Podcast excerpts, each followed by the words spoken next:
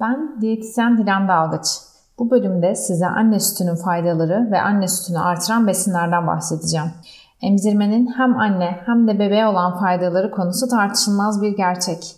Bilimsel çalışmalar her defasında anne sütünün bebeklerin büyüme ve gelişmesi için her dönemde değişen içeriği sayesinde ideal bir besin olduğunu kanıtlamıştır. Aynı zamanda anne sütü her bebek için özel ve farklı içeriğe sahip olduğu için daha kolay sindirilebilir. Yüksek miktarda probiyotik ve prebiyotik içeriği sayesinde bebeklerin bağırsak florası için eşsizdir.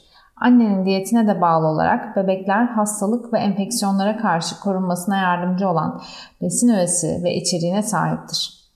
Anne sütü alan bebeklerde tip 2 diyabet, bazı bağırsak hastalıkları, obezite gibi kronik hastalıkların görülme riski daha düşüktür.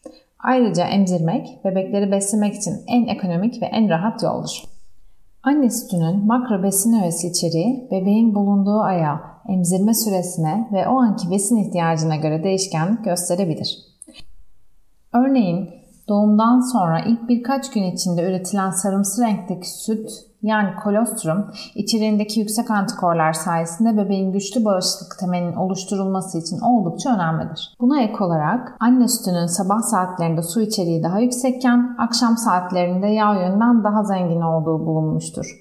Bu sayede gece daha uzun süre tok kalan bebekler uykularından az uzayanacaktır. Emzirmek anneler için de oldukça faydalıdır.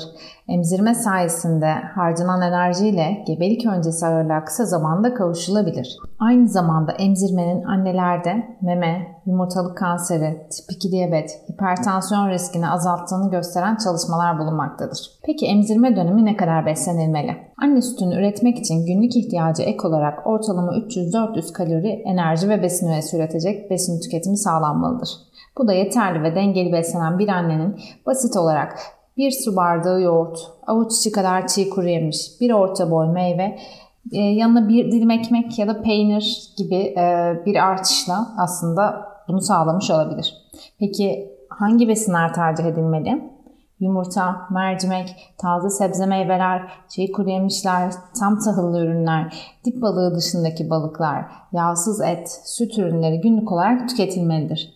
Ancak bunların yanında yulaf ezmesi, hurma, tahin, ahududu, dereotu, kimyon, koyu yeşil yapraklı sebzeler, yoğurt tüketimi yine anne sütünün miktarı ve kalitesini artırmada oldukça önemlidir. Peki emzirirken ne kadar sıvı tüketilmelidir ve hangi içecekler tercih edilmelidir? Bu süreçte genel olarak anneler içgüdüsel olarak ilerlese de günlük yaklaşık 2,5-3 litre su tüketimi mutlaka hedeflenmelidir. Günlük içilen suya ek olarak meyve çayı, süt artırıcı çaylar, şekersiz hazırlanmış komposto, maden suyu gibi şeker ilavesiz içecekler e, ve bununla birlikte rezene, ısırgan gibi anne çayları ile sıvı alımına takviye yapılabilir. Bunlarla birlikte siyah çay, yeşil çay, kahve, kakaolu içecekler gibi kafein içeriği yüksek içeceklerden mümkün olduğunca kaçınılmalıdır. Bunlara ek olarak vegan, vejeteryan beslenme ve emzirme konusuna değinmek istiyorum. Bu dönemde özellikle beslenme programı uygularken normalde olduğu gibi demir, protein ve kalsiyum yönünden zengin yiyecekler seçilmelidir. Demirden zengin bitkisel kaynaklar, kuru baklagiller, tahıllar, koyu yeşil yapraklı sebzeler ve kuru meyvelerdir. Özellikle beslenmeyle alınan demir kaynaklarının emilimini artırmak için yemek sırasında C vitamini alımını sağlamak da oldukça önemlidir. Turunçgiller, kivi, kırmızı, yeşil biber, maydanoz C vitamininden zengin yiyeceklerdir. Bunlarla birlikte yeterli kalsiyum ve protein tüketimi için bitkisel sütler, koyu yeşil yapraklı sebzeler beslenmeye mutlaka dahil edilmelidir. Eğer bebekte gaz sorunu yoksa farklı çeşitli kuru baklagil ve tam taneli tahıllar kademeli olarak beslenmeye dahil edilmelidir. Bunlarla birlikte mutlaka D vitamini ve B12 vitamini takviyeleri doktor tarafından belirlenmeli ve düzenli olarak kullanılmalıdır. Peki emzirme döneminde genel olarak hangi yiyecek ve içeceklerden kaçınılmalıdır? Bunların başında alkol, kafein, tuzlu yiyecek ve içecekler, ambalajda içeriği bilinmeyen her türlü yiyecek ve içecekler gelmektedir. Bunlara ek olarak derin deniz balığı yani dip balıklarından da olabildiğince kaçınılmalıdır.